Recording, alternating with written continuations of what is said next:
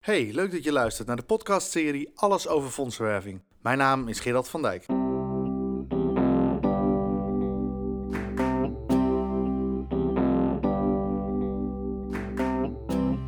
Je luistert naar een podcast van Krantio Fondsenwerving.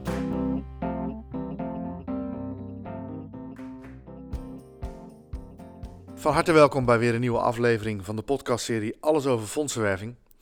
En deze aflevering gaat over acht geefmotieven. En allereerst wil ik je even bedanken dat je de tijd hebt genomen om deze podcast te luisteren. Ik merk dat er steeds meer mensen zijn die naar deze podcastserie luisteren vanuit uh, verschillende plekken over de hele wereld. En dat is erg motiverend voor mij om, uh, om door te gaan. Ik kreeg laatst een vraag van iemand die zei: Waarom doe je dit? Waarom geef je je kennis en ervaring gratis weg via een podcastserie? En het antwoord is eigenlijk vrij eenvoudig.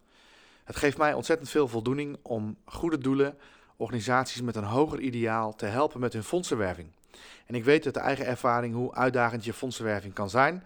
Zeker wanneer je opereert met een eh, klein team en misschien een klein budget, dan is het best ingewikkeld om tijd vrij te maken om een goed gedegen plan te hebben en de focus op je fondsenwerving te houden. En het is voor mij eh, een kleine moeite om eh, de kennis en ervaring die ik met vallen en opstaan heb opgedaan, om die via deze podcastserie te delen. Het is niet zo makkelijk om overal zelf lijfelijk aanwezig te zijn, maar via de moderne techniek en deze podcastserie is dat een stuk makkelijker. Dus ik hoop ook echt dat dit jou helpt om je fondsenwerving te verbeteren. Mocht dat het geval zijn, laat het me weten via een waardering in de app die je gebruikt om deze podcast te luisteren. Dat stimuleert en motiveert mij ook weer om verder te gaan en weer nieuwe afleveringen voor je op te nemen. En in deze aflevering wil ik het dus met je gaan hebben over de acht geefmotieven die er, uh, die er zijn. Ik heb deze informatie niet van mezelf, maar hij is afkomstig van René Bekkers. Hij is professor filantropie aan de Vrije Universiteit van Amsterdam. En mocht je hem nog niet kennen, dan zou ik zeker even googlen op zijn naam. Want René heeft ontzettend veel gepubliceerd over geefgedrag, over goede doelen, over donateurs, over filantropie in de meest brede zin van het woord. En wellicht geeft dat interessante informatie ook voor jouw organisatie om je voordeel mee te kunnen doen. De reden dat ik dit onderwerp wil bespreken is dat ik uh, onlangs een training gaf over uh, werven bij vermogensfondsen. En dat dit voor de deelnemers toch wel een eye-opener was. Uh, dit gaat verder dan alleen vermogensfondsen. Dit gaat over geefmotieven in de volle breedte. Maar het feit dat dit toch wel wat reactie opriep, dacht ik, hé, hey, daar, ga ik een, daar ga ik een podcast over opnemen. Dus vandaar. René heeft acht verschillende geefmotieven in kaart gebracht. Misschien zijn er wel meer, maar ik denk dat dit de meest essentiële zijn. En ik wil ze stuk voor stuk met je doorlopen. Ze staan niet in, uh, in volgorde van belangrijkheid, het is een willekeurige volgorde. Uh, maar het is goed om ze, om ze te kennen uh, en te weten dat dit redenen kunnen zijn voor mensen, bedrijven, organisaties om wel of niet te geven. De eerste die ik wil benoemen is omdat er een behoefte is aan giften. Misschien dat je de, bij een aantal van deze acht redenen denkt dat het open deuren zijn. En nou, dat, die zijn het ook. Dit is geen hogere wiskunde. Dit is vrij eenvoudig, maar te weinig fondsenwervers zijn zich bewust van deze geefmotieven. En het is goed uh, dat je ze kent en kunt uh, herkennen wanneer je uh, ja, in gesprek bent met mensen bijvoorbeeld.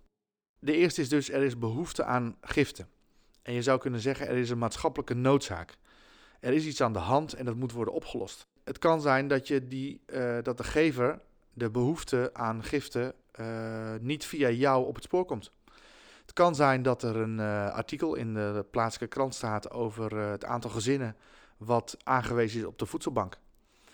En het kan zijn dat iemand dat leest en zich daardoor uh, aangesproken voelt. Het, het, raakt hem of haar dat, er een, dat deze noodzaak er is, deze maatschappelijke behoefte. Iemand komt in beweging om te zeggen: hey, dat, dat wil ik ondersteunen. Ik vind dat het mooi werk is, ik vind dat het belangrijk werk is.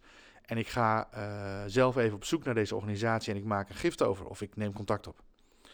Dus de, een van de redenen is, uh, ik noem hem maar even nummer 1. Nogmaals, ze staan niet in volgorde van prioriteit of belangrijkheid, maar uh, de eerste reden om, waarop mensen zouden kunnen geven is, uh, er is een behoefte aan giften, er is een maatschappelijke noodzaak. De tweede, en die lijkt daar een beetje op, maar het is toch net even anders, is omdat er concreet gevraagd wordt om te geven. Via de post, via mail, via social media, via allerlei andere vormen wordt er gericht een appel gedaan. En je kent dat vast wel dat iemand uit jouw netwerk of uh, iemand aan de deur of op een andere plek waar jij bent vraagt jou concreet om een gift te doen. Dat kan uh, dus gewoon een moreel appel zijn. Een beetje afhankelijk van hoe groot dat morele appel is, gaan mensen daar wel of niet op in. Dus daarom zijn de, de straatcollectors, de collectors uh, huis aan huis nog steeds zeer succesvol. Er wordt veel geld mee opgehaald. Omdat het toch wel een kleine moeite is om 1 of 2 euro te geven aan een goed doel. Zelfs als je er niet zo heel veel mee hebt. De derde reden waar, waar uh, mensen kan motiveren om te geven is omdat het weinig kost en soms zelfs ook iets oplevert. Aftrekbaarheid van giften speelt daar in ons land een grote rol in. Um, je weet misschien wel dat je uh, 1%, dat er een drempel is van 1% van je inkomen. Als je daarboven zit, dan mag je dat aftrekken voor je inkomstenbelasting tot 10%. Tenzij het een periodieke schenking is van minimaal 5 aan ingesloten jaren, dan mag de gift zelfs 100% worden afgetrokken. Dus het kan voor iemand interessant zijn vanwege die aftrekbaarheid uh, een deel van het inkomen weg te geven. Het kan ook zijn dat er een leuke attentie tegenover staat die men heel aantrekkelijk vindt. Een, een knuffelbeertje of een leuk boekje of een gedichtenbundel of een kalender. Of, nou, je kent vast die organisaties wel die iets weggeven wanneer je doneert. Dat kan voor mensen een reden zijn om te zeggen, ja, ik doe het. De vierde reden die mensen kan bewegen om te geven is omdat anderen niet geven. Dus er is iets aan de hand en het wordt bijvoorbeeld door overheid of door instanties niet opgepakt. En iemand kan daar zo tegenaan lopen of zo mee in de maag zitten of zich zo uh, verantwoordelijk daarvoor voelen dat hij of zij besluit: ik ga eraan geven, want niemand pakt de handschoen op en dat is niet oké. Dat kan ook een motivatie zijn uh, om te geven. Een andere motivatie, nummer vijf, kan te maken hebben omdat anderen juist wel geven. En je eigenlijk ook daarbij uh, wil horen. Dus dat heeft veel meer te maken met je reputatie of imago. Er vindt iets plaats, mensen doen mee en je, nou ja, je wil eigenlijk niet achterblijven. Jij wil ook daar onderdeel van zijn, je wil ook meedoen. Dat kan zijn groepsdruk fysiek op een bepaalde locatie.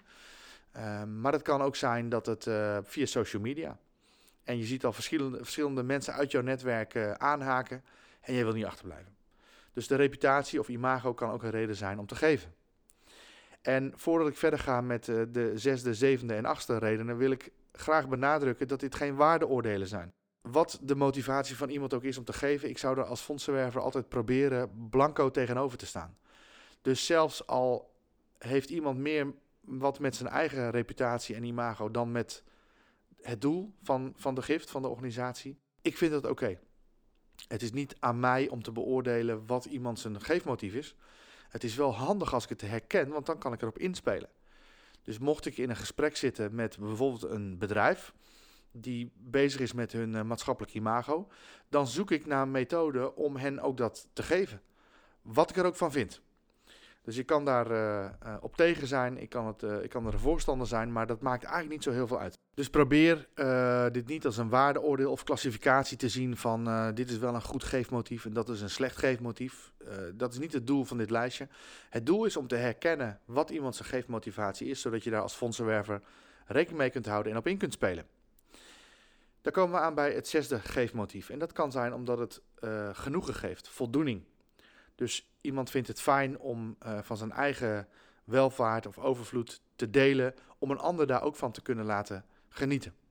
En dat is ook zo. Uit verschillende onderzoeken blijkt dat wanneer iemand voorziet in de behoeften van een ander, dat dat het ultieme gevoel van geluk geeft. En zeker wanneer aan de basisbehoeften, uh, zoals uh, een dak boven je hoofd, voldoende eten en drinken en een zinvolle dagbesteding, Um, dan is dit eigenlijk een van de eerste redenen die bij gaat dragen aan het gevoel van geluk. Dus met andere woorden, op het moment dat je gewoon voldoende hebt om van te leven, dus je hoeft je geen zorgen te maken om, uh, over je kleding, over je voedsel, over onderdak, over veiligheid, dan uh, is dit eigenlijk de belangrijkste redenen, reden waarom mensen zich gelukkig voelen, omdat ze van betekenis kunnen zijn voor een ander. De zevende reden lijkt daar een beetje op, uh, maar is het niet helemaal. En dat is omdat men om het doel geeft. Dus dat kan zijn vanuit bijvoorbeeld uh, uh, nostalgische gedachten. In mijn dorp hebben we een, uh, een, ja, een soort dorpsmuseum. En een aantal mensen maakt zich daar hard voor dat ze de historie van ons dorp graag willen bewaren en willen doorgeven aan een nieuwe ge generatie. En dat kan ook een reden zijn waarom mensen daaraan willen geven, omdat ze het belangrijk vinden dat dit blijft bestaan. Maar het kan ook zijn loyaliteit. Dus het nest waar jij uitkomt gaf altijd aan het Rode Kruis. En dat heb je van huis uit meegekregen.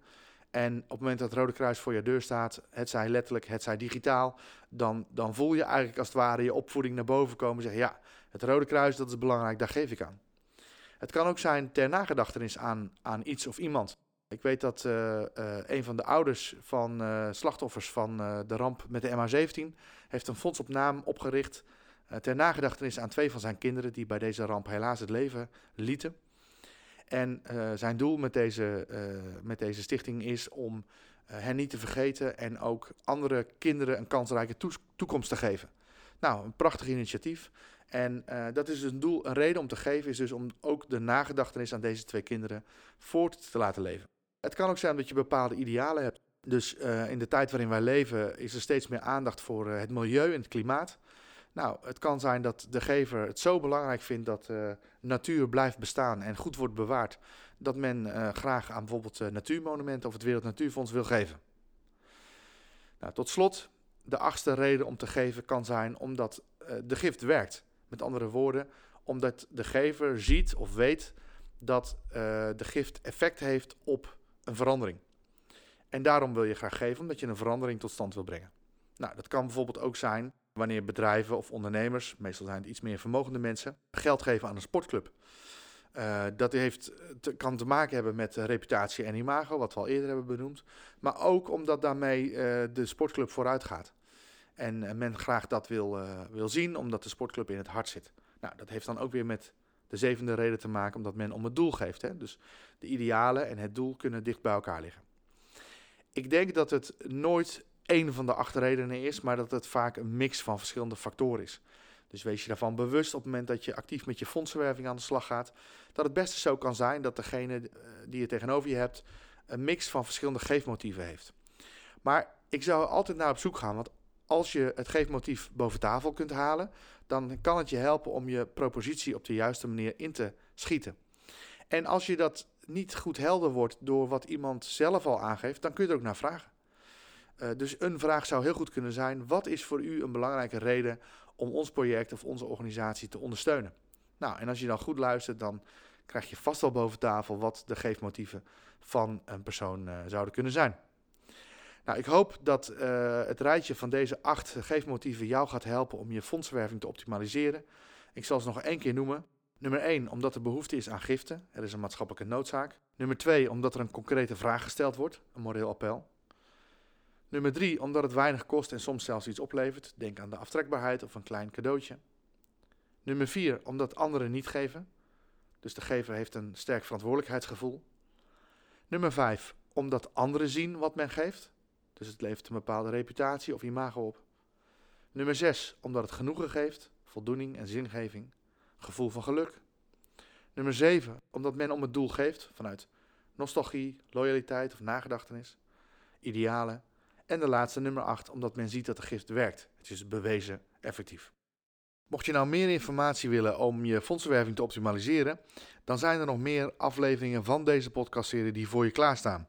Bijvoorbeeld e-mailmarketing voor goede doelen, werven bij bedrijven, crowdfunding, werken met een jaarplan, online marketing voor goede doelen, een beleidsplan maken voor goede doelen en zo kan ik nog wel even doorgaan.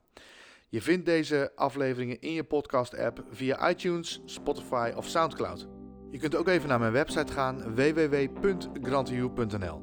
En daar vind je onder andere verschillende gratis downloads, materialen die je gratis mag gebruiken en waar je meteen mee aan de slag kan, maar ook mijn blogserie over fondsenwerving en de e-learning fondsenwerving voor diegenen die net even een stapje verder willen gaan. Bedankt voor het luisteren. Ik vond het leuk dat je de tijd hebt genomen om deze podcast te luisteren. Ik hoop dat het jou helpt om je fondsenwerving te optimaliseren en graag tot de volgende Heb je vragen? Stuur je mail naar podcast.grantioe.nl